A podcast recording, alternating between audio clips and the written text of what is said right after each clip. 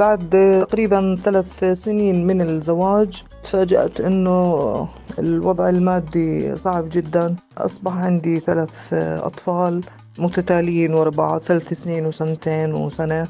زوجي أصبح عاطل عن العمل يعني خسر وظيفته. بيت بيتي صغير علي ديون علي التزامات. مش عارف كيف بدي أساعد نفسي أساعد زوجي أساعد بيتي. من هون بدت قصة كليمة وزي ما بيحكوا الحاجة أم الاختراع ويمكن تكون الحاجة ورا إنه نرجع لحلم الطفولة ويكون هو السبب بإنه حياتنا تتغير. صرت أتذكر أنا شو عندي أنا مواهب شو في أشياء ممكن أنا أبدع فيها شو في ممكن إشي أنميه أقدر أشتغل أقدر أعمل إشي هيك شريف وحلو وأنا أكون مستمتعة فيه ومبسوطة. ففكرت بمهنة التجميل. مهنة التجميل طبعا هاي أنا بحبها من لما كنت طفل صغير. كنت كوافيرة العيلة حد عنده حفلة حد عنده كذا. تعي كلمة عملينا غرة عملينا تسريح عملينا كذا. فأنا كنت كوافيرة العيلة من صغر يعني هيك موهبة موجودة. كنت حابة أدرس تجميل بالمدرسة عنا كانت مدرستنا شاملة وبتعطي حصص تجميل. بس اختارتني معلمية الخزف والرسم إنه أشترك بنشاط الخزف والرسم وما ما قدرت أروح على التجميل. فضلت بنفسي الموضوع ضل بنفسي آه، حاولت أشتغل آه، أو أروح على صالونات بعد ما آه، بعد ما كملت أنا توجيهي. بس والدي الله يرحمه حكى لي لا أنت شاطرة ودرسي كملي دراستك كملي تعليمك بعدين بتعملي اللي بدك إياه.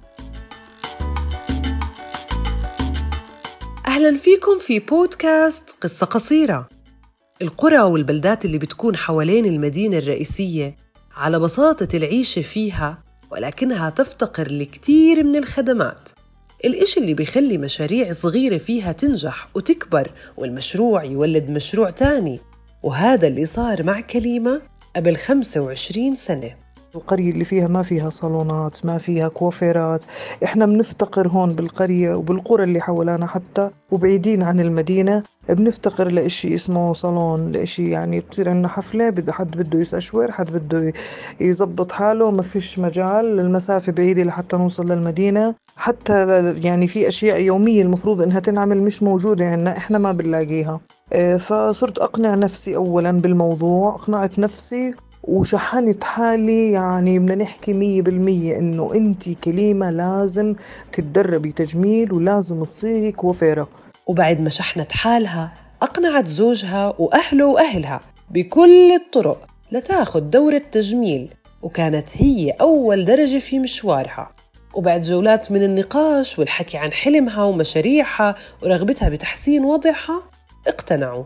كان لازم أنا أجمع آه، ستين دينار حتى أدفعهم للدورة مركز آه، بالمدينة آه، بدي بدي أحسب حساب إنه أنا بدي مواصلات. دبرت حالي بالستين ليرة بعرفش كيف دبرتهم. أنا عملت جمعية كنا نعمل جمعيات دينار أسبوعي. دبرت حالي بالستين ليرة مش متذكرة صراحة كيف. بعدين إحنا ما ما دفعناهم دفعة واحدة على فكرة. كنا هي ست شهور كنا كل شهر ندفع مبلغ معين يعني أصلا هي ما كانت. آه، مواصلاتي يعني دينار رايح دينار جاي تقريبا مواصلات كنت أدفع أو أقل حتى من هيك. المهم أنا أكملت الست شهور تجميل بمعاناة مش طبيعية من الجيران. طبعا تعليقات آه، حتى دار العم أهل زوجي حتى إخواني كلهم إنه كليمة ليش رايحة ليش جاية شو بدك تعملي شو بدك تسوي أنت بتحلمي بأشياء مش طبيعية بتحلمي بأشياء خيال أنت مجنونة كيف بتفكري بالطريقة هاي ليش تاركة أولادك ورايحة ليش كذا؟ آه، بس أنا ما كنت أرد لأنه أنا كنت مقنعة نفسي مشبعة نفسي وشاحنة نفسي إنه أنت لازم تعملي هيك. أنت الآن إذا احتجتي بدك تاكلي بدك تشربي ما في حد بحكي لك وين رايحة وين جاية شو أكلتي أنت وولادك شو طعميتيهم شو شربتيهم شو لبستيهم. ورغم هالصعوبات تخرجت كليمة وكانت من المتفوقات في دورة التجميل وبدت بالأصل لأولادها وولاد الجيران. وكانت ما تتقاضى أي أجر بدل اللي عملته لأنه أصلا ما كان عندها أدوات لتعمل صالون. ما كان عندي مقص ما كان عندي مشط الخاص بالقص إيه، ما كان عندي كاب ما كان عندي إشي. أول مرة بنت الجيران الصغيرة أجت عندي بدها تقص شعرها أنا استعرضت مقص من عند حماتي أمه لزوجي. اللي بتستعمله بقص الملابس والأقمشة إيه، واشتغلت فيه. كنت كل ما يجي عندي حد أستعيره كل ما يجي عندي حد أستعيره. بعدين صرت أخذ أجرة رمزية من من اللي يجوا عندي يقص حتى للأولاد يعني مش بس للبنات. أنا كانوا يبعثوا لي إياهم أقص لهم لأنه ما في صالونات قريبة زي ما ذكرت أنا بالبداية. ما في صالونات قريبة ما في كوافيرات فكانوا على الأقل الأطفال بالبداية يجوا. المقص أجيبه من بيت دار عمي صرت أخذ أجرة رمزية. أول أجرة أخذتها وجمعتها اشتريت فيه مقص. بلشت أشتري مقص بعدين مشط بعدين مراية. خصصت آه، صالة صغيرة داخل بيتي بيتي كان غرفتين ومطبخ وبالنص في صالة. هاي خصصتها إلي للصالون. اشتريت مراية اشتريت جوارير بلاستيك اشتريت الأدوات البسيطة الأساسية اللي مطلوبة مني كأساسيات الكوافير. وشوي شوي زادوا الزباين وصار في صالون لأهل القرية. وكل ما كانت الناس تزيد كانت كليمة تاخد دورات تجميل أكتر وكل ما صار عندها خبرة أكتر. وكل شوي كانت أدوات الصالون تزيد وتزيد وصار معها شهادة مزاولة مهنة. كبروا أولادي صرت أقدر أنا أوفر مبلغ مبلغ معين شهري.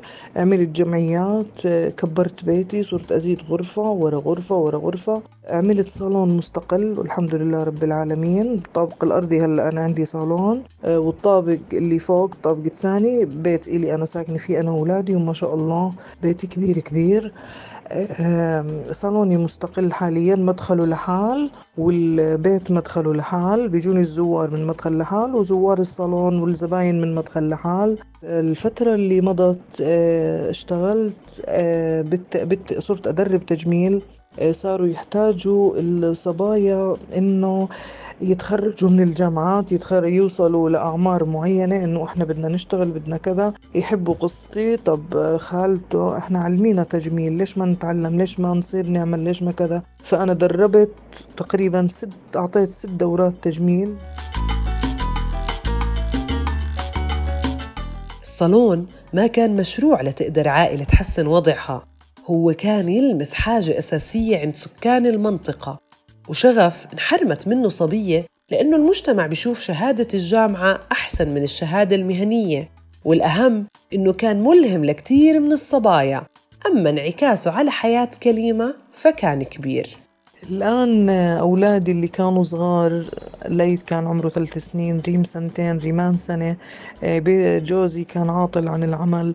كبروا أولادي تخرجوا من الجامعات ريم مهندسة مهندسة اتصالات آه، ليث آه، كيميائي بيشتغل بمندوب مبيعات أجهزة طبية بتعامل مع دكاترة الأسنان آه، ريمان طالبة محاسبة سنة ثالثة بالجامعة. أبوهم والدهم هلأ عنده مطعم شعبي حمص فول فلافل وما شاء الله سمعته بكل المنطقة معروف. طبعا حتى المنطقة ما كان فيها مطاعم كثير يعني لغاية الآن انتشرت المطاعم خرج يمكن ثلاث شباب أو أكثر من عنده كانوا يشتغلوا عمال بالمطعم فتحوا مطاعم وصار عندهم أسر وعائلات وبيوت وما شاء الله بعد ما تعلموا عند زوجي. من مراية صغيرة ودروج بلاستيك قدرت كليمة إنها تعمر بيت وتكون مؤثرة حقيقية بعيون الصبايا والشباب وقدرت إنها تنبش بحلمها وتخليه قصة قصيرة حلوة كتير.